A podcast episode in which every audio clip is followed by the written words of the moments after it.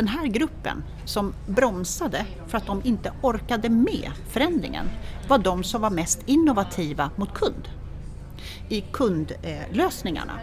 Så det var de som hade kommit längst i eh, leveransen eh, och i kundleveransen.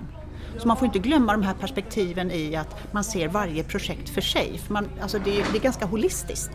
Man behöver titta på vad är det för någonting som händer runt omkring. Så vilka var det som var vinnare i det här? Var det de som tyckte att det här och, och var duktiga på att gå in i det agila eller var det de som levererade till kunderna och som sen långsamt kunde ta steg mot det här andra?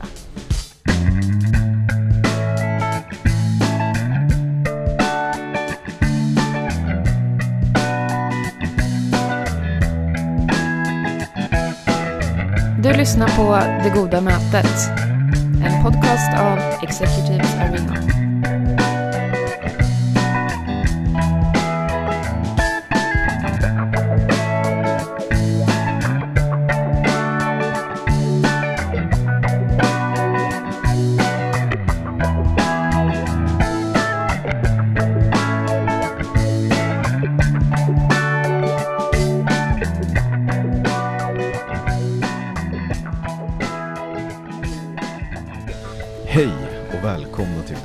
Mötet, podcasten som görs av oss på kompetensnätverket Executives Arena. Eh, Jag heter Daniel Bey, som vanligt. Och jag här är jag, Jonas Friberg. Jonas Friberg med. Och som ni kanske hör så har vi lite ambience-ljud här. Vi sitter och spelar in i en ganska trevlig hotellobby Just det. och hoppas att det ska förbli den här nivån än så länge. Ja, Det ska nog gå bra. det tror vi. Ja.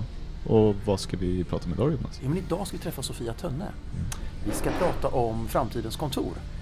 Det är ju många som funderar på hur, hur det där ska se ut nu när vi återvänder. Eh, både, både vad det betyder för oss att få komma tillbaka men, men vad finns det för, hur går tankarna? Många tänker kring det men vi vill prata med någon som, som både har lång erfarenhet och också tänker kring det just nu. Precis. Så jättevälkommen Sofia. Tack så mycket. Vem är du då? Ja, vem är jag? Eh, jag är... ehm, jag hörde nå- någon av de andra poddarna som talade om det. Att ja, men jag är snart 50. och jag är strax 50, så jag har precis passerat det. Ja. Eh, och har brunnit och varit väldigt passionerad kring just Workplace of Facility-frågor i 25 år, någonting sånt. Ja. Eh, och tycker att det här är så fantastiskt roligt att se hur det utvecklas eh, och egentligen hur långsamt utvecklingen går. Okej. Eh, för man har ungefär lite samma lika behov idag som man hade förr fastän man eh, bygger för det på ett annorlunda sätt. Okej. Så du, vad, vad, vad, hur tänker du då? Det är alltså, vi, vi jobbar ungefär likadant menar du? Nej, Nej. Eh, vi har ungefär samma behov. Alla människor är ju olika. Ja. Eh, och det som man egentligen letar efter det är ju när och var och hur kan jag vara mitt bästa jag? Eh, och frågan är ju då, eh, förr i tiden så talade man om för allihopa att ja, men ni ska sitta i eh, kontorsrum. Så. Och där är du ditt bästa jag, för det är vad jag som chef tycker är bäst och då när vi ska göra det här så ser det ut på det sättet. Det. Då vet jag var du är och så kan du stänga dörren och sådär. Ja, precis. Då kan du vara ditt bästa jag där du är. Eh, men sen så kom man ju på, det här att ja, men det var ju inget bra för man hade ju ingen överhörning så skulle alla ut ur rummen. Alla har fortfarande samma behov av att vara lite olika och göra lite olika saker och, för att kunna fungera på sitt bästa sätt. Men då skulle alla sitta i öppna landskap och det är då vi ser nästan det här eh, callcenter-delen som man hade. det. Och när, när i tiden blev det, liksom, började det dominera kontoren? Eh, det började kon- dominera kontoren någonstans på 90-talet. Ja. Faktiskt. Och sen har det ju varit väldigt över tid sådär väldigt olika vilka eh, olika typer av branscher som har vågat ta det nya steget och vilka har egentligen börjat att tänka nytt på det Just hela. det. Och det, ha- handlar, det, handlar det om att man tänkt mycket kring sin arbetsorganisation eller har det, tänkt att man var, eller har det handlat mer om att man varit pigg på att testa någonting nytt och haft en ledning som varit pigga på att testa nytt? Jag tänker, jag har ju haft förmånen som med nätverk att få besöka väldigt många olika typer av kontor. Mm. Och jag minns ju väldigt tydligt de här aktivitetsbaserade kontoren som jag blev jätteimponerad av. Eh, där det var väldigt tydligt att man gått hela vägen och man tänkt alltihopa. Liksom. Det var, Mm. det känd, man kände igen företaget i allt från, liksom, i det här fallet, provkök till, Mm. till, till, eh, ja, till kafeterian. Mm. och till de enskilda olika formerna av arbetsrum. Mm. Medan man sen också sett andra som, som liksom mest anammat något system men ändå inte gått all in på något sätt. Är det, det var en lång, lång fråga men ja. är det, är det, alltså handlar, handlar det där om ledning och styrning snarare än, än, äh, än utformning? Eller? Mm. Nu skulle jag ju vilja ge ett så här mysigt svar med lite plyschbyxor och tofflor och sådär.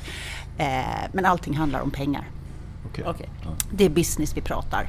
Ja. Eh, och hyrorna är eh, i största på väldigt många, många, många ställen den andra största kostnaden efter löner. Eh, och då handlar det om att om, om man kan minska ytan med några procent så tjänar man ganska många kronor och dollar i det här. Så det som är ledningens fokus då, det är ju eh, hur, kan, hur kan vi på våran yta vara mest effektiva? Och framförallt hur kan vi behålla våra medarbetare? Det är egentligen den som är, har blivit större och större, för hur kan man behålla medarbetarna? Eh, I kompetensen och i, i kompetenstävlingarna. Eh, I Sverige så vi, har vi kommit väldigt, väldigt långt digitalt eh, och på teknikdelarna och sånt där, men det går inte att få tag på IT-resurser. Så hur får man de här IT-killarna och tjejerna som är verkligen de här topptalangerna att faktiskt stanna på bolaget? Det får du inte om man liksom klämmer ihop dem allihopa på 80 eh, cm skrivbord och sitt här och nu ska du vara produktiv. Utan, ja men stanna här. Och sen har man de här konsultbranscherna där eh, företagets tillgång går ut genom dörren varje kväll. Hur får jag dem att komma tillbaka? Och lite i pandemins spår här då liksom. Eh, de flesta har kunnat jobba hemma men hur får vi dem att locka tillbaka dem till kontoret? Och då, och då är det ju till syvende och sist, det handlar om pengar. Just det. Men, men kan man då tänka att, att, att om vi nu har jobbat hemma mycket mm. så kan man ju tänka att man har Alltså, är man, är man singel eller ett ungt par och bor i innerstan så är det klart att det vore jättehäftigt att åka till ett kontor vid, vid vid Sergels torg. Mm. Men om man, om man är familjefar med barn eller familje, familjeförsörjare med barn, små barn eller, eller tonårsbarn och bor utanför stan så mm. Är det inte givet att det är jätteläckert att åka in till stan för då måste du pendla tillsammans med andra och det har vi också lärt oss nu att vi ska hålla lite avstånd och sådär. Mm. Så kommer det hända saker kring det tror du?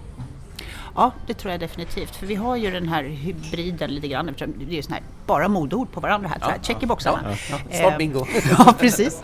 Eh, I i coworker-nytorna som också har fötts i samband med det här, eh, alltså redan innan pandemin. Eh, där man kan sitta flera olika människor tillsammans och jobba tillsammans. Och då är jag tillbaka till det här egentligen, var är jag bäst? Eh, och då kan det vara så att om, om, om jag sitter hemma och inte träffar så många människor så kan jag vara bra på vissa saker hemma. Medan en annan person som sitter hemma och jobbar har eh, andra fördelar med att jobba hemma.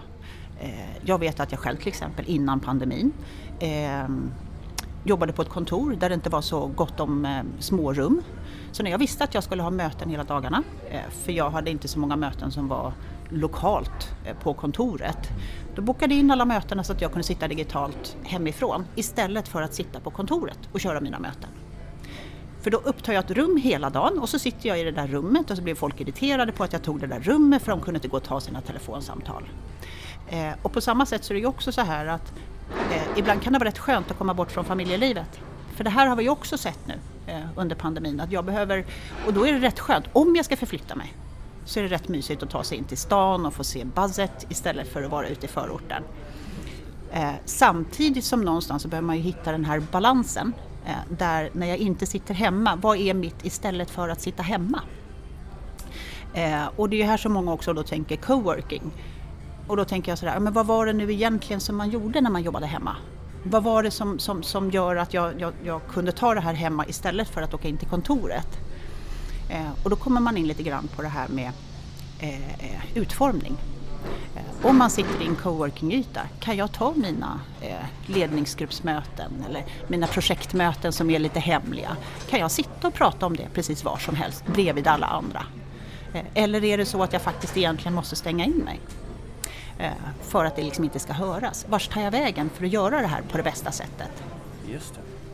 Nej, jag, jag har nu är det en liten anekdot, men, mm. men jag får en sån här flashbacks. Jag satt på ett café på Karlavägen för några år sedan Och vid bordet bredvid så kommer det två stycken personer, lägger upp en telefon på bordet och ringer upp en rekryteringskonsult och börjar gå igenom, börjar gå igenom med namn personer till en, till en befattning. Mm. Och, och man kan tänka liksom, jag, blev, jag blev väldigt störd av det så jag var tvungen att gå dit och, och säga att ursäkta, jag kanske känner någon av dem ni pratar om nu, det är inte jättebra.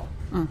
Eh, Så jag, jag fick den, jag var tvungen att berätta den, men jag fick den verkligen som... Så att, alltså, det finns både, både god ton och, och, och, och sunt förnuft men också GDPR kring sådana där saker. Ja.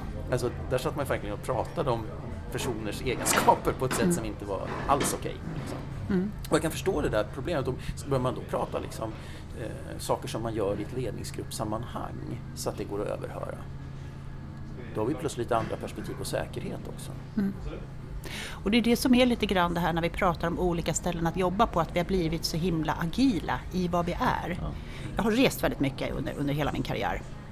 Eh, Och jag vet inte hur många fina presentationer jag har sett på både tåg och flyg för att folk inte använder sekretessfilter. Eh, och där står företagshemligheter, det står om personer och man ska rekrytera och hur man ska bygga upp sina nya organisationer och så vidare. Eh, jag tror att man behöver öka lite medvetenheten om eh, vad gör jag var och när. Eh, för det behöver inte vara svårare än att man liksom sitter på tunnelbanan in, in till stan. Det är många som nu har eh, eh suttit hemma och haft, precis som du säger, högtalartelefon. Eh, och då får man ju den här överhörningen på tunnelbanan eller på tåget. Ja, men då petar de in sina de huvud... Vad heter de? Airpods. Airpods eller Ja, headset. airpods eller headset kanske Ja. heter jag. Ehm, och så sitter man där och, och, och pratar i alla fall och så tittar man ut genom fönstret. Syns inte, finns inte. Med andra ord så pratar man om saker som man inte tror att någon annan hör, men alla hör vartenda ord man säger. Eh, och då är, ehm, här, här behöver man, jag har funderat väldigt mycket på det nu också under pandemin med eh, alla som flyttar ut på landet och tycker att här, här har jag jättebra för nu kommer jag ut i det gröna i skogen, jag får bli frisk, jag får må bra och alltihopa. Men uppkopplingen suger. Så att eh, man kan inte riktigt vara effektiv i sina möten. Vilket gör att man blir avbruten. Ja, men, och då förflyttar man sig någon annanstans och så, sätter man sig, och så tar man mötena igen. Eh, man, man har liksom dragit den här, man behöver ha lite frihet under ansvar och man behöver liksom kunna sätta upp lite hygienregler. Vad är det för någonting som gäller när man kommer dit ut? Eh, jag behöver ha en uppkoppling som fungerar. Jag behöver kunna prata och säga saker utan att överhörs. Vissa möten kanske inte gör någonting när man i alla fall bara ska lyssna in för att man är i princip avstängd liksom, ifrån eh, de som håller mötena. Just det. Så jag menar, vi, och det, det är väl de där sakerna som vi, när vi pratar lite kort om varför vi vill prata om det här, det är ju att, att vi har varit i, ett, i någon sorts force majeure-läge och då har ju liksom allt varit okej. Eh, för att det måste lösas när människor måste jobba på distans. Eh, men just för att behålla, alltså inte tappa bort eh, fördelen med det men också inte glömma bort det, det som var fördelen med det andra. Och, och, och hur, hur, det finns ju förmodligen, precis som du säger, det finns ju inte en lösning men, men det är viktigt att tänka kring, kring, eh, kring det där. Både ur eh, rekryteringsperspektiv men säk- och säkerhetsperspektiv och också liksom, vilka frågor jag kommer ihåg när vi pratade med Patrik Ståhl, tror jag det var. Så han sa att det, det jag tror att vi, eh, vi missar väldigt mycket under den här tiden, det är den här spontaninnovationen. Det vill säga det jag inte... Det, jag, jag, det är svårt att överhöra när vi jobbar hemifrån. Ja. Men att, att springa ihop med någon vid fikaautomaten därför att man just nu fick en, in, en, en, en idé eller fick en insikt. Eller att man då råkar sitta i ett landskap och man råkar överhöra någonting. Ehm, Det är ju... Det gäller att inte tappa bort det heller. Så, så det verkar vara hybrid som är grejen då på något sätt, tänker jag. Eller? Framförallt så är det sådär eh, eh, när precis det du säger att man ska liksom inte tappa bort det som var bra innan. Så man behöver göra den här reflektionen, vad var det vi hade innan som var bra? Så att man håller i den, så att man inte förändrar saker som egentligen funkade ganska bra. Alltså i konferensrummen där man kunde ha de här workshopsen och man kunde vara kreativ. eh, De sociala ytorna, kaffemaskinen. Alltså de är superviktiga.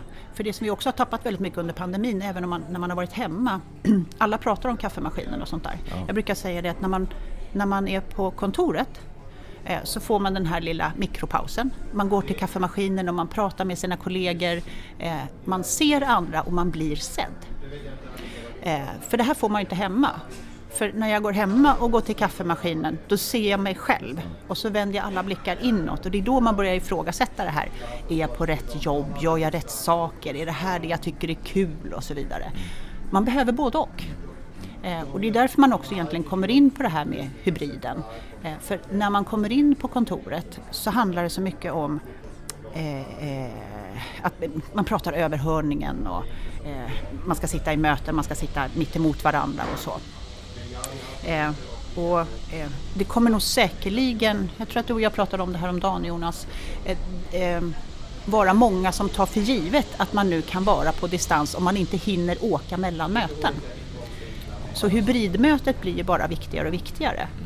Men, men hur man fångar upp de som då är på distans och de som sitter med i mötet.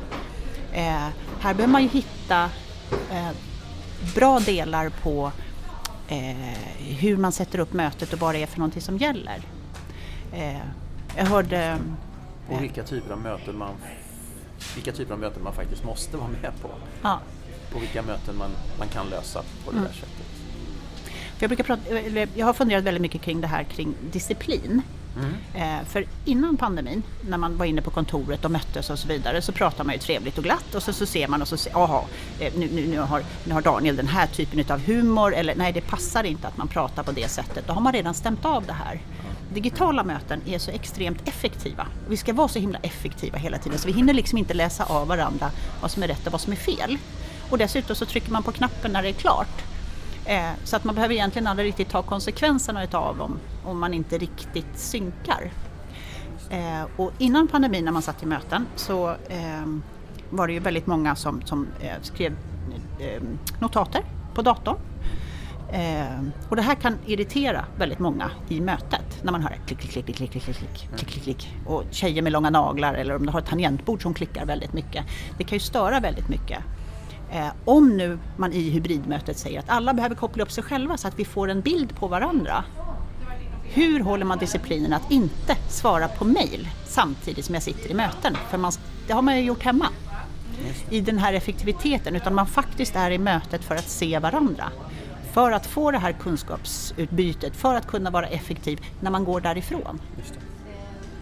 det är bra med effektiva möten men det finns också någonting i det långsamma som gör en effektiv lite senare. Ja, ställtid är, ställtid är underskattat. Mm. Eh, jag tycker att jag möter många som, som, som fortfarande kör möten diktan. Liksom. Man kör mm. en timmes möten och så börjar, går det direkt från möte till möte. Mm. Istället för att säga att nu är det fem minuter kvar, nu slutar vi, vi har mm. nästa möte om fem minuter. Eh, så man fått åtminstone någon ställtid. Men mm. blir det lite förseningar så märker man ju det där ganska snabbt. Mm. Och det, det, där finns ju en jättestor risk att man faktiskt, precis som du säger, man tappar reflektionen. Vad är det vi egentligen pysslar med här och vad är det mm. egentligen som händer nu? Mm. Både sakmässigt men också interpersonellt. Liksom. Mm. Men också när man pratar om framtidens kontor så handlar det ju väldigt mycket om eh, Självklart om pengarna, men om man liksom tar det åt sidan och faktiskt pratar om de här lite mjukare delarna som, är, som, som jag tycker är jätteviktiga. Så är det, vad är det som gör att man väljer ett specifikt bolag? Att jobba för det bolaget. Det handlar väldigt mycket om kultur och värderingar och var man, var man befinner sig. Och det har ju varit en av de absolut största utmaningarna nu under pandemin, när alla sitter utspridda. Eh, hur, hur håller man ihop kulturen? Vad är företagskulturen? För det är ingenting som skiljer mig ifrån när jag, sitter, när jag har suttit hemma då heltid så, eh, från att jag får lönen ifrån det bolaget eller jag får lönen ifrån det bolaget för jag pratar med samma människor i alla fall. Just det. Eh, och då när man kommer in på kontoret, för det är då i mötet där som egentligen kulturen sätts. Eh, vad är det för någonting som sticker ut? Ja, men jag tycker det är så kul att komma till kontoret och prata med Jonas och Daniel. Eh, och det är det här som är så svårt att ta på. Och här tror jag att det, det, det kan finnas några bolag som, som eh, har lite att göra nu när alla kommer tillbaka. Eftersom alla har inte kunnat jobba hemifrån. Och då har man fått eh, en, en, annan typ av kultur på jobbet, de som har varit inne och jobbat. Vi och dem, typ? Ja, lite så. Ja, men för då har ju de varit alldeles ensamma på kontoret. Mm. Just det, och de har då egentligen utvecklat kulturen lite, för det, för det, ja. det gör man ju ständigt. Precis. Så, och sen har du några som inte har varit med i det. Ja. Eh, och så, ja, så att egentligen kan vi ha tappat lite kultur och disciplin och lite kanske också eh, eh, tillhörighet då på ett sätt. Ja, eller jag tror inte att man har tappat den, men den har förändrats. Ja. Och de som har suttit hem- hemma, som kommer in på kontoret eh, och då ska möta de här eh, som redan har sin fasta, de tror ju att det är samma som innan. Det. För de har ju inte varit borta. Och så kommer de dit och så blir det, uppstår det diskussioner. För de här har ju kunnat ha ett, ett konferensrum för 20 personer som sitt eget kontor där man kunnat gå runt och prata i telefonen och eh, kunna, kunnat behandla det på ett helt annorlunda sätt än när hela kontoret fylls på. Vilka hygienregler är det som gäller? Någonstans så får man ju chansen till omstart Just det. att faktiskt reflektera och det är väldigt många, eh, fler än vad man trodde, som har bytt jobb också under pandemin, som aldrig har fått träffa sina kollegor. Nej. Eh, och, och, och, och organisationerna har vuxit och blivit större. Eh, och det här sätter ju också väldigt stort tryck på, när vi pratar framtidens kontor, vilken typ av service ska man tillhandahålla på kontoret? Eh, för innan pandemin så handlade det om att göra det mesta så effektivt som möjligt. Det vill säga man skulle inte göra det så personligt. Du kommer till ett kontor, eh, du möts av en, en videokamera. Hej och välkommen, vem ska du träffa? Och så sitter de på en annan ort och så hjälper de dig och så går det här lilla smset till den du ska besöka men du får egentligen inte träffa någon. Är det vad vi vill idag? Nu när vi har suttit hemma, alltså vi, åh, vi vill träffa folk, åh, vad, vad, få se folk, bli sedd och se. Och det borde ju göra att sådana här starka kulturbärare som, förlåt, som jag slås väldigt ofta av när man får besöka många olika företag. Så det som, det som ju gör det stora avtrycket, det är ju första mötet i receptionen. Alltså för mig är det så att, att, och det har aldrig varit så. Jag tror att jag under, säg att jag har gjort ett, jag har haft 400 företagsbesök på fem år eller något sånt där. Och jag tror en eller två gånger som mitt första intryck har, har ändrats senare. Så det är så otroligt viktigt hur, hur det där är och att det verkligen är, hänger ihop med det man säger att man är och att det faktiskt det är autentiskt där. Så att, jag- och så tänker jag, eh, vi har ju till exempel ett eh, nätverksmöte nu där, som vi ska ha där vi är på ett företag som, som jobbar med, med robotar.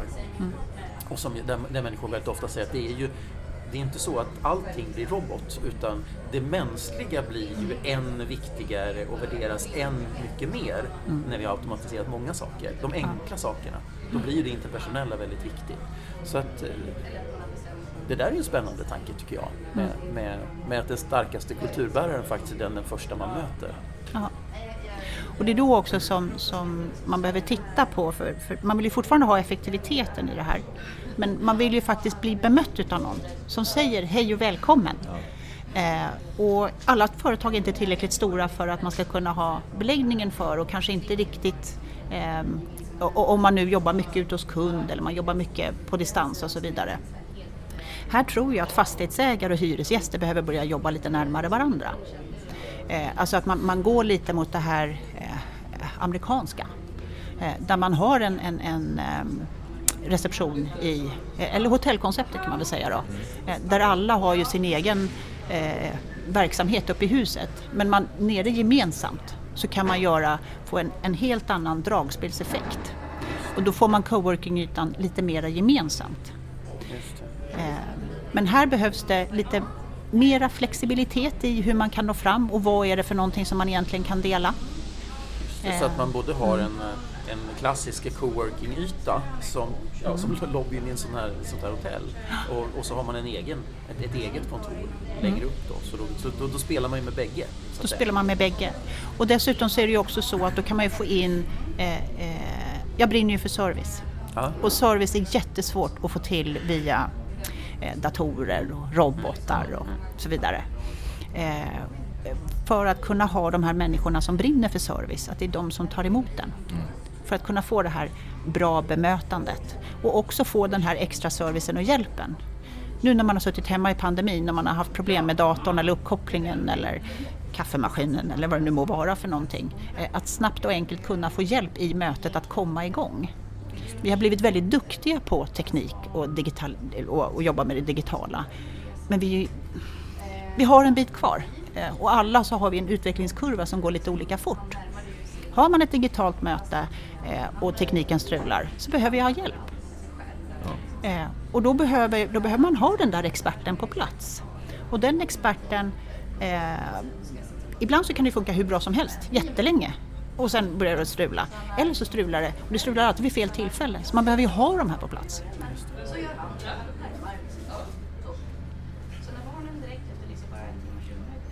Ja, jag fastnade i eh, vilket antik... när, du, när du drog det här scenariot där man möts av en videokamera. Ja. Vilket antiklimax. Ja. Jag har bara sett en skärm hela, hela senaste året. Och första så som tar jag på mig mina finkläder och ska Och så in i till city. kontoret, Och så. så möter jag en videokamera. Och så sitter någon och pratar med mig från andra sidan jordklotet. Ja. Ja. Det där är ju jättespännande i den här liksom allmänna trenden av det digitala och det personliga. Liksom. Att, eh, jag- jag, kan nog komma på mig själv med att jag, jag faktiskt värderar väldigt mycket mer att få prata med en person. Ja, jag blir, man blir ju rätt lack på de här liksom. Ja. Välj ett för då, två för tre, tre för C och fyra för och så får man prata ändå med en syntetisk röst en stund tills man får prata med någon som kanske är en person. Och då kan man fråga, jag brukar alltid ställa frågan eftersom jag jobbar med service, enkelt för vem? Just det. Jag brukar faktiskt mäta tid när man får trycka på de här knapparna, välja ett, välj två eller tre. Eh, Och det brukar ligga någonstans mellan fem och sju minuter. När man ska välja de här för att du ska prata engelska, tryck två och så där, bla, bla. Och man måste ju lyssna igenom allihopa.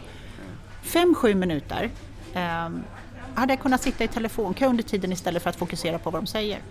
Det är effektivt för dem för att jag hamnar på rätt person men om jag hade lyft... Ja, och sen är det bra för kopiorna för du behöver ju inte, behöver ju inte räkna väntetid förrän du har lyssnat klart, ja. Tänker jag. Mm. Ja. Men vikten av människan bakom, eh, eh, så finns det ett eh, exempel eh, med städning faktiskt. Där vi hade, eh, man följer upp tillsammans med kunderna och tittar på vad är det för någonting som ni tycker är bra, när är det bra städat? Alla har ju en åsikt om städning. Ja. Alla vet vad de tycker är rent. Det finns inte ett uttal om saken. Är det någonting som, är lite, som inte riktigt funkar på bolaget så ger man sig på städningen och kaffet. Kanske inte i den, anledningen, i den ordningen. Ibland är kaffet först, ibland är det städningen sen. Men det här det är det som man hoppar på absolut först om jag inte trivs med min chef till exempel. Men vi gjorde en, en kundundersökning eh, och så visade det sig på, eh, säg nu att det var på plan 3 så var man jättenöjda med städningen. Och så på plan 5 så var man inte sådär jättenöjda. Och så tittade vi på vår egen interna kvalitetsuppföljning. Där plan 5, inga nedslag. Kvalitetsmässigt så var det verkligen renast. Och plan 3 var sisådär eh, var avseende kvaliteten. Och så började vi titta på, vad beror det här på? Jo, det beror på städaren. Eh, på plan, plan 3 så hade städaren kommit fram till den här balansen. När kan jag prata med de som sitter eh, eh, vid, vid skrivbordet för att kunna få torka av deras skrivbord? Eh, I bemötandet, i och med att de blev så bra bemötta och så trevligt bemötta, så tyckte de det är rent, det här är superbra. Ja, vad är gänget? Och då är vi tillbaka till det här med effektiviteten igen. På plan 5 så var hon jätteeffektiv. Men hon tyckte inte om att prata med folk. Flytta på dig! Och då blev det inte lika bra.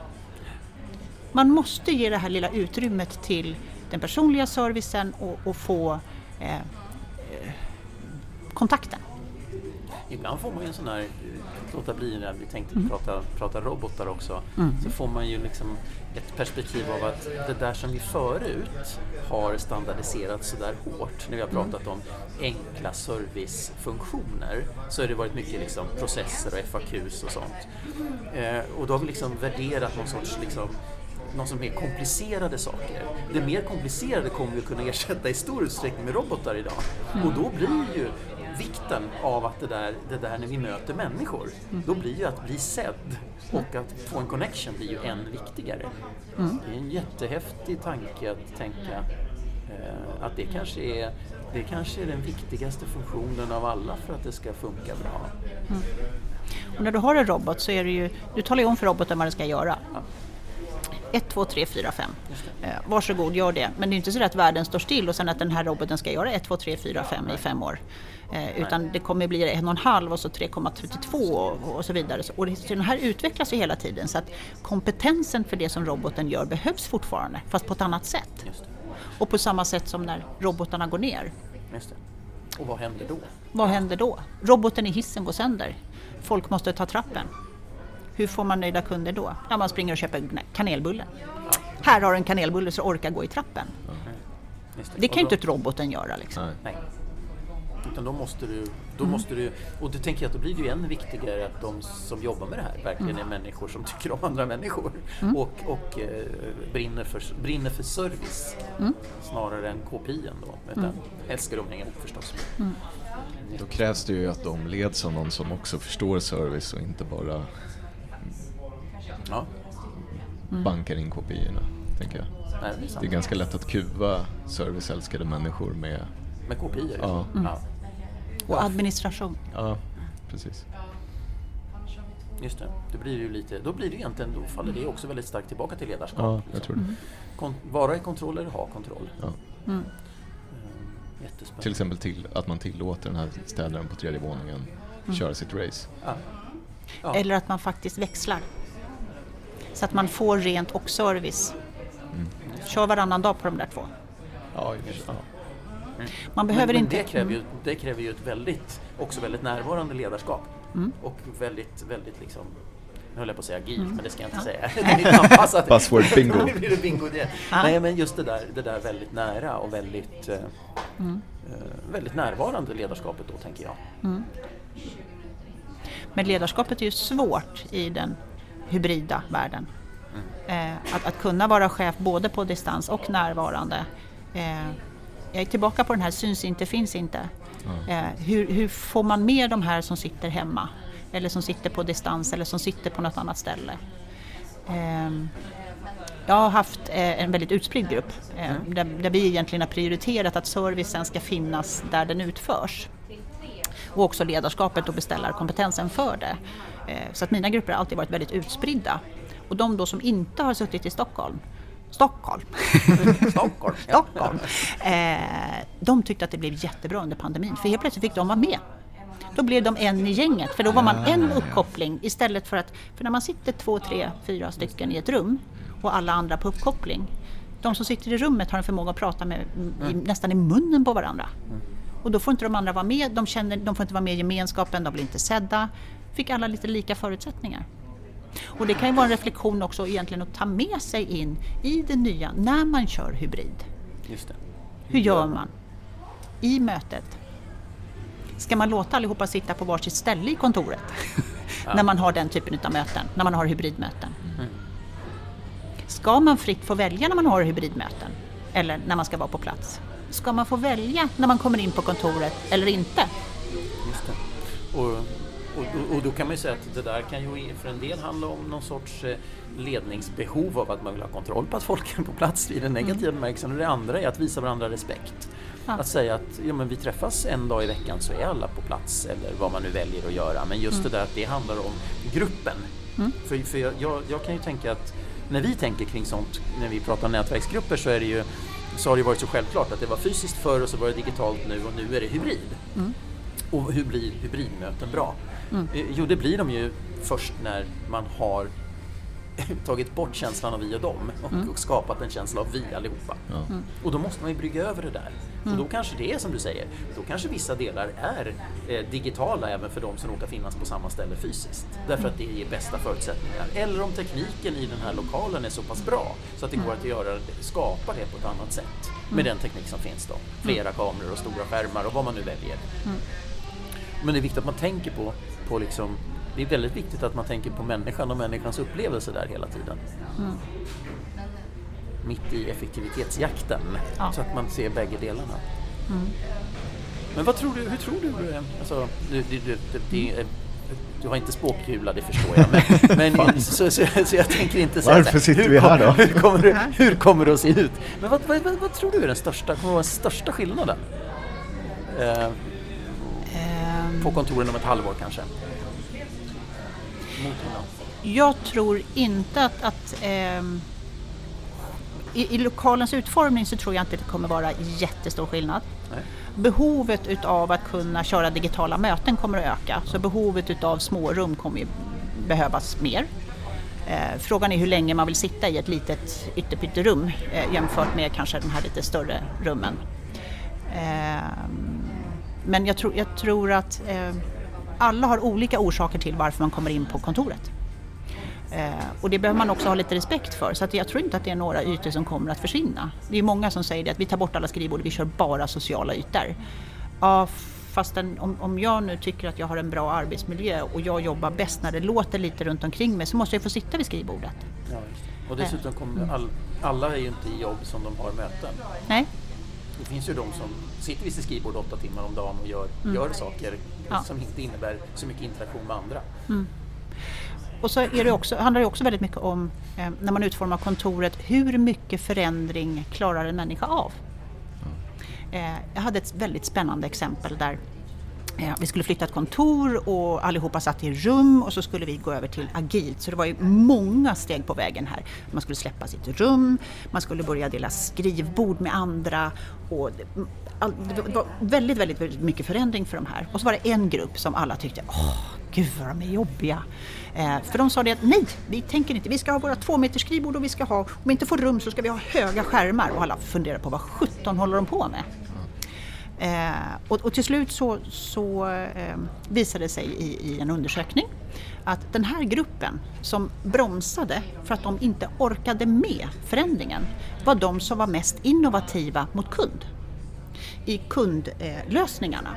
Så det var de som hade kommit längst i ehm, eh, leveransen eh, och i kundleveransen.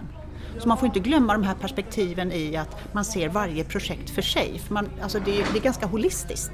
Man behöver titta på vad är det för någonting som händer runt omkring. Så vilka var det som var vinnare i det här? Ja. Var det de som tyckte att det här och, och var duktiga på att gå in i det agila eller var det de som levererade till kunderna och som sen långsamt kunde ta steg mot det här andra? Så jag skulle säga att, att eh, eh, morgondagens kontor, eh, flexibilitet, Eh, att det är enkelt att göra om. Det vill säga att man ska kunna möblera om, flytta runt eh, för att kunna få saker och ting att fungera. Eh, för det, kommer att, det, enda, det enda som vi vet det är att det inte kommer vara statiskt. Det kommer inte se likadant ut. Och då behöver man flytta runt de här. Men alla funktionerna behövs. Jag behöver kunna sitta i rum, jag behöver kunna sitta vid skrivbord. Och jag behöver kunna ha stora möten. Tekniken kommer att krävas mycket mer att då. Så det blir viktigt som ansvarig att, att eh, följa, precis som vanligt egentligen, följa sin verksamhet väldigt nära och ha klart för sig vad som är viktigt. Jag Ja. tänker på det, det här exemplet med, med den här gruppen. Ja, i det holistiska perspektivet så ja, det är ju kunderna vi lever av i slutändan. Så att Ja. det, de som fokar dem måste ju vara de som är viktigast. Eller de som är mest framgångsrika i det där sammanhanget. Jättespännande.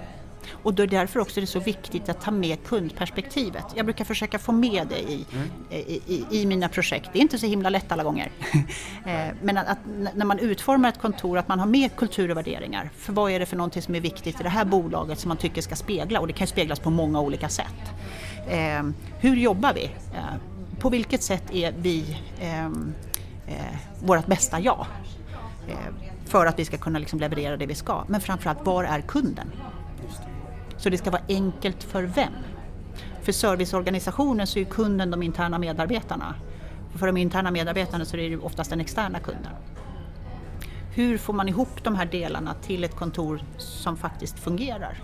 Och när man har gått igenom och tittat på det här, för det är alltid grundstommen på de flesta kontor ser ganska lik ut. Eh, men det är ju här i som eh, företagen skiljer sig från varandra. Och det är ju därför som man inte kan kopiera ett, ett eh, häftigt koncept som du började med här. Eh, när, man, när man faktiskt har tänkt igenom alltihopa. Men de har ju tänkt igenom det för det företaget. Just det. Och de har tänkt igenom det en gång till och Ja. en gång till och en gång till. Ja. Google med alla leksaker och Ja. de har skitkul på sitt kontor. Ja, men det funkar inte med civilingenjörer. Eh, för det är inte riktigt det som, som är dem. Eh, på samma sätt som, som de här som är eh, prispressande bolag som ska ha låga kostnader och låga omkostnader. Eh, de, de kan inte köra samma lösning som juristbyrån. Där det faktiskt ska andas någonting helt annat. Just det. Man kan, man kan ta utav varandras koncept men, men ta best practice. Och, förstå, och, och förstå igen vad det är man själv vill göra. Ja. Där. Här är en bra grej som vi kan utgå ifrån. Vad är det som inte är vi? Och vad är vi? Vad skruvar vi till på för att faktiskt kunna få det här att fungera? Och vad kan vi, eh, väldigt mycket för det här med, med, med hållbarhet. Vad kan vi dela mera? Dela skrivbord, dela konferensrum och så vidare. Och också se det i ett större perspektiv. Jag vet att det finns ju flera eh, initiativ och, och, innovatörer där man tittar på hur kan man nyttja eh, kontorsytor flera timmar än bara för under liksom 8 till 17.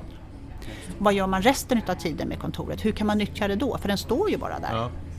Det är väldigt mycket ytor som Mm. Vi har väldigt mycket ytor som är tomma, tomma på dagtid därför att de är restauranger på kvällarna och det är väldigt mycket kontor som är tomma på kvällarna.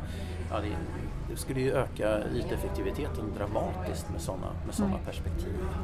Nyttja det vi redan har mm. på ett bättre sätt. Tänk till.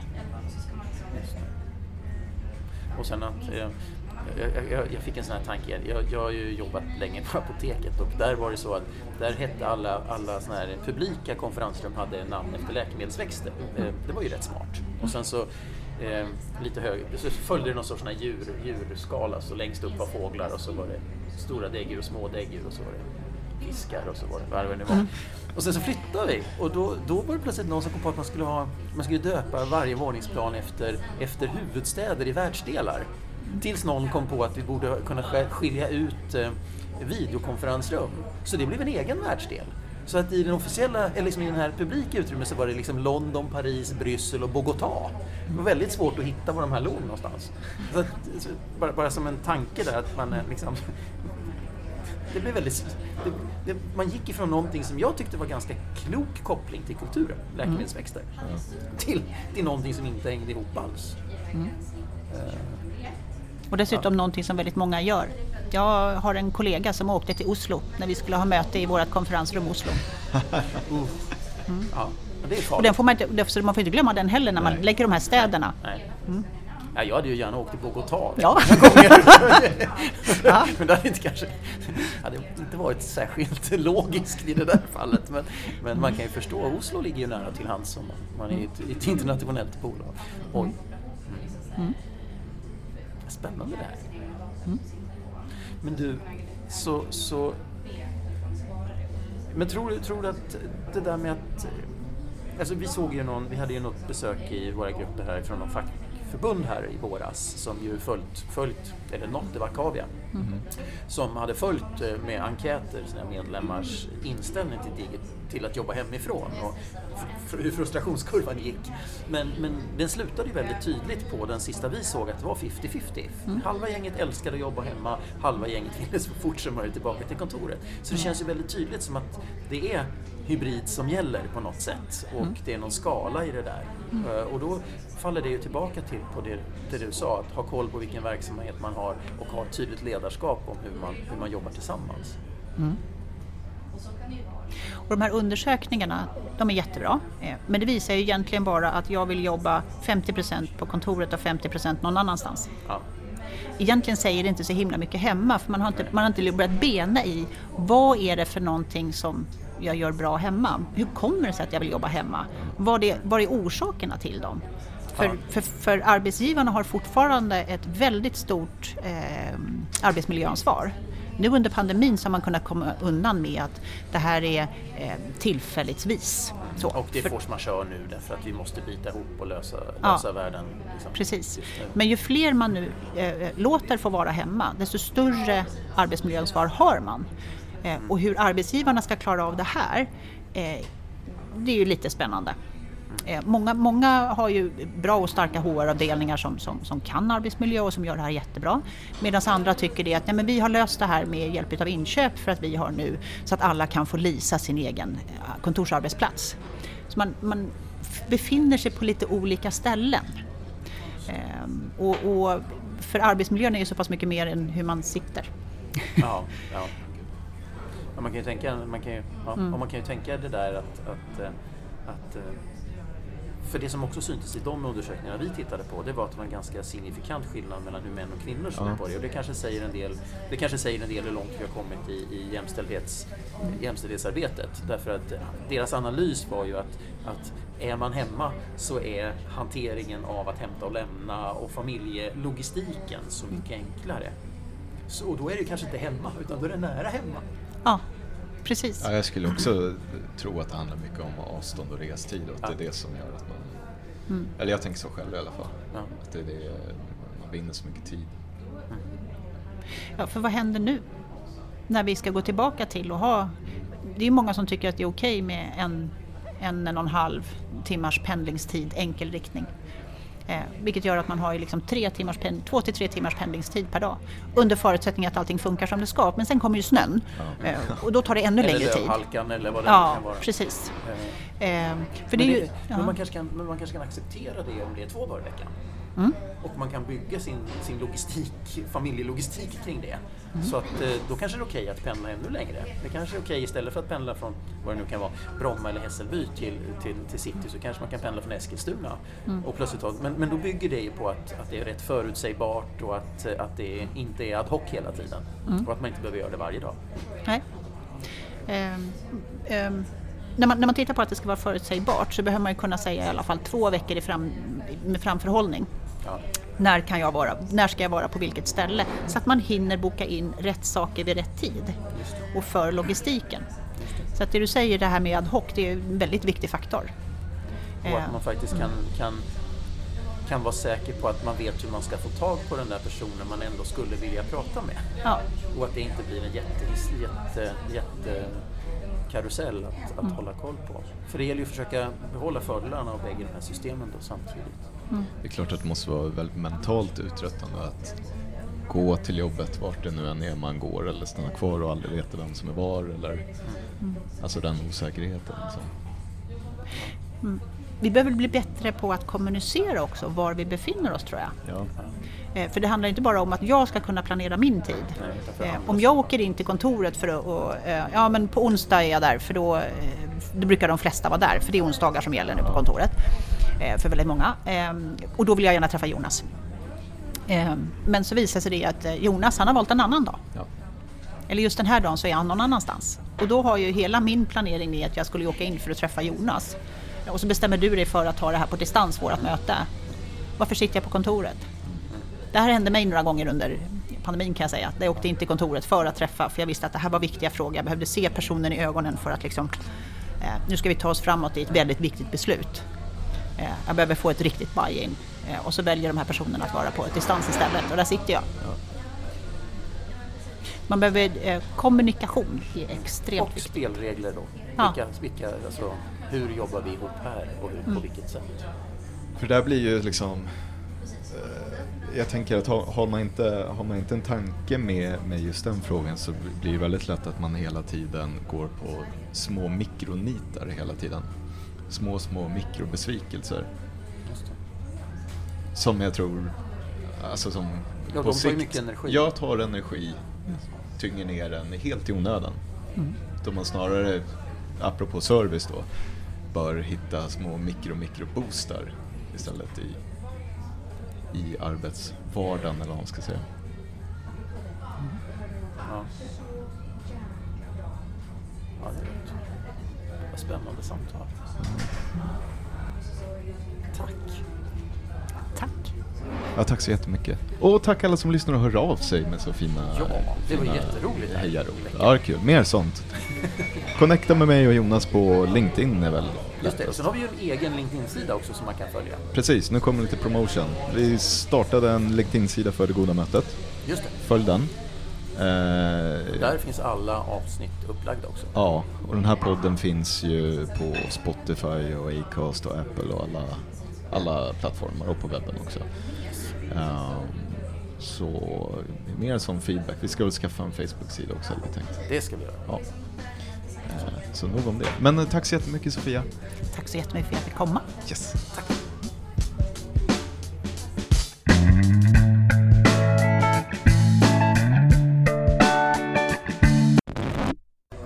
Vi pratade lite om eh, säkerhet.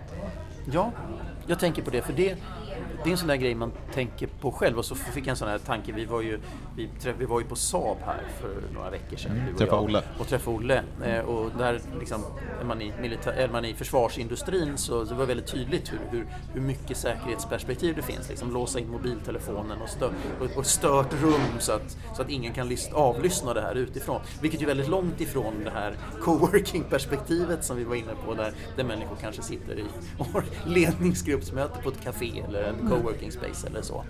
Hur tänker du kring det där med säkerhet? Ehm, det är eh, jag tycker att det är oerhört viktigt att man, man tänker på det för att den, den svagaste länken i säkerheten är vi människor. Eh, och den, man, man Otroligt kan... svag länk. Ja, ja men, och vi är så himla artiga och trevliga så det, det, är ju, det är ju nästan sådär så att, så att eh, man pratar ju om tailgating till exempel in på kontoren. Eh, man håller upp dörren för tjuven. Ja. Eh, för mm. Man tänker ju inte på det. Åh vad trevligt att du kommer, så håller man upp dörren. Eh, receptionisterna de är, de är så himla eh, serviceinriktade. Ska du inte ha ett passerkort så du kan gå här fritt? så slipper du, så du kan gå på toaletten själv. Och man, man inte tänker på det här. Eh, men en annan sak som, som jag också tänker på när det gäller säkerheten det är i den här eh, jakten på digitalisering och robotisering och att allting ska vara så himla enkelt för användaren så släpper vi på vår egen integritet. Eh, man kommer till ett konferensrum eh, och då känner den av, jaha okej okay, det här är Sofia. Eh, hon brukar tycka om den här belysningssättningen i rummet och sen så i möteskallelsen så står det att ni ska vara 15 personer och ställs ventilationen in på det. Och sen så har du den typen utav en laptop som du kopplar in här fast man egentligen inte behöver laptopen utan man tar bara med sig sin sån här minnessticka, stoppar man in den och så kommer presentationen upp och hej och hå. Eh, men mycket av det här handlar ju om då att du har sensorer som sitter överallt. Hur kan de känna av att jag är Sofia? Oftast via mobilen. Vi har ju sagt då, och då är ju det arbetsgivarens eh, verktyg. Eh, så att arbetsgivaren har ju, har ju egentligen all den här informationen. Jag måste säga okej okay, att de får använda informationen till det här.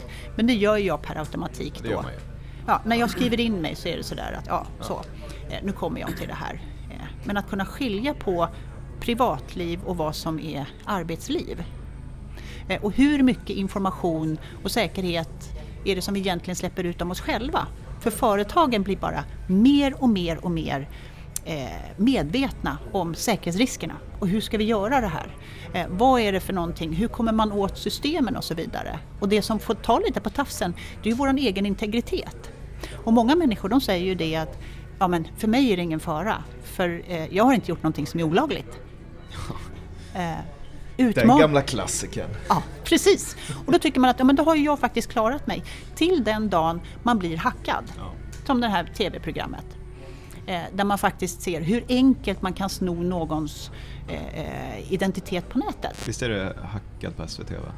Ja. Jag har inte sett det själv men jag bara Nej. sett det flimra förbi. Ja. ja, precis. Men, men där såg man i alla fall hur enkelt det är eh, att faktiskt bli det här. Om informationen finns så kan den användas av fel personer.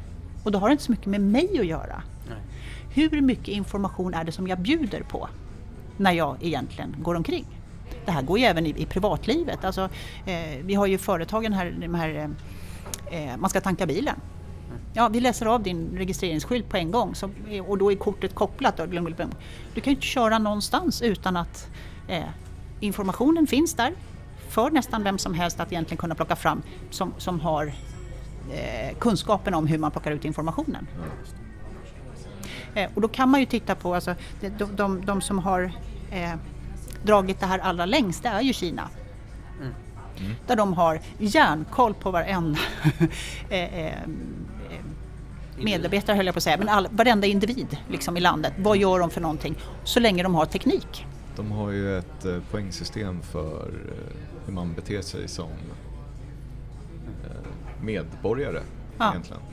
Såg något inslag om det. Att om man så kan exempel, man levla då? Typ, och sådär, så. Ja men precis, ja. ja och det för, för, för, man kan även förhindra, eftersom allting går via mobilen och appar och de är så himla supertekniska så, så kan man ju också begränsa alltså typ hur du kan resa. Ja. Mm. Så journalister till exempel kan ju bli begränsade att du får, du kan röra dig på en radie av 300 meter ungefär. Man kan inte köpa en tågbiljett ut ur staden. Och om du till exempel eh, handlar i jättemycket alkohol på kort tid så får du också minuspoäng i det här. Ja, och, mm. ja dina, ja, dina mm. poäng och som då bestämmer vad du kan göra och inte göra. Mm. Och det är ju det, för, oj, förlåt, när vi, när vi, när vi um, går och handlar. Så det går inte att betala med kontanter någonstans idag. Med andra ord så delar jag med mig min, utav min information överallt. Eh, man, man, går och handlar, ja men du kan få ditt kvitto digitalt. Eh, ja fast jag vill inte ha det digitalt. Ja, men jag kan inte slå ut det här eh, om inte du, jag kan bara skicka det digitalt. Per automatik så lämnar jag ifrån mig min e-, e-postadress på en himla massa ställen det jag säger nu det är inte att vi kommer inte hamna i Kina här i Sverige. Ja, eller? Nej, jag nej. skojar. Jag skojar. Precis. Man vet ju aldrig. Eh, men man behöver vara medveten om att informationen jag lämnar ifrån mig kan tas ifrån mig. Just det. Och kan användas emot mig. Ja, precis. Eh, och det, och det, är- vi, vi, vi lever ju i ett samhälle där det är, eh, alla är inte snälla mot varandra. Även om man skulle önska det. Ja, Mm. Ja, det är ett jätteviktigt perspektiv det där. Mm. Alltså, både i framtidens kontor men också i, i, i, i, i, i, verkl- i vanliga livet. Ja. Och frågan är då, hur långt ska man dra det här på kontoret? Vi är tillbaka på receptionisten där. Du är fortfarande en Ja, person som sitter bakom. Eh, i, idag så ser man ju Vi till har ju, att hyll, på... vi har ju suttit här Ja. och hyllat den svaga länken egentligen. Ja. Det är den vi lyft fram. Så Mm. hur, hur gör vi? Eh, jag har nog inte svaret på frågan. Eh, men jag har eh, jag vill gärna lyfta medvetenheten Mm. kring frågan. Att det är jättehäftigt med ny teknik. Eh, men ibland så behöver man också reflektera. Hur mycket enklare gör det någonting om jag är tvungen att trycka på knappen själv för att få rätt belysning? Istället för att bli avläst överallt där jag går. Och som den senaste här som, som de pratade om på, på nyheterna i morse. Eh, alla pensionärer som inte kommer åt sina journaler och sånt där. Jag För att de det. inte är digitala. Och jag tycker både och måste En finnas. fjärdedel av 75-plussare vågar inte gå ut på internet. Mm. Enligt SVT. Och det är inte så himla konstigt. För det är, så himla, alltså det, det är en helt ny värld för dem. Eh, och, och även för mig. Alltså jag tycker att det är svårt att försöka och, känna av, är det här är det på riktigt? Kan jag betala här? Kan jag släppa ifrån mig informationen? Är det en person bakom det här som står? Eh, Nej, då, idag kan det ju faktiskt gå rätt långt att du pratar med någon ganska länge innan, det, innan, innan du inser att det där inte är en person. Ja. Och någonstans så är jag tillbaka till att jag tycker att det måste finnas ett val. Om jag vill kunna betala med kontanter så ska jag kunna betala med kontanter. Om jag vill kunna signera ett kontrakt utan att använda min privat, mitt privata bank-id i företagsnamnet så måste jag kunna göra det.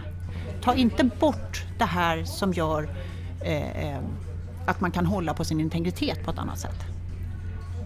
Släpp inte det. Men sluta inte utvecklas för det. Nej.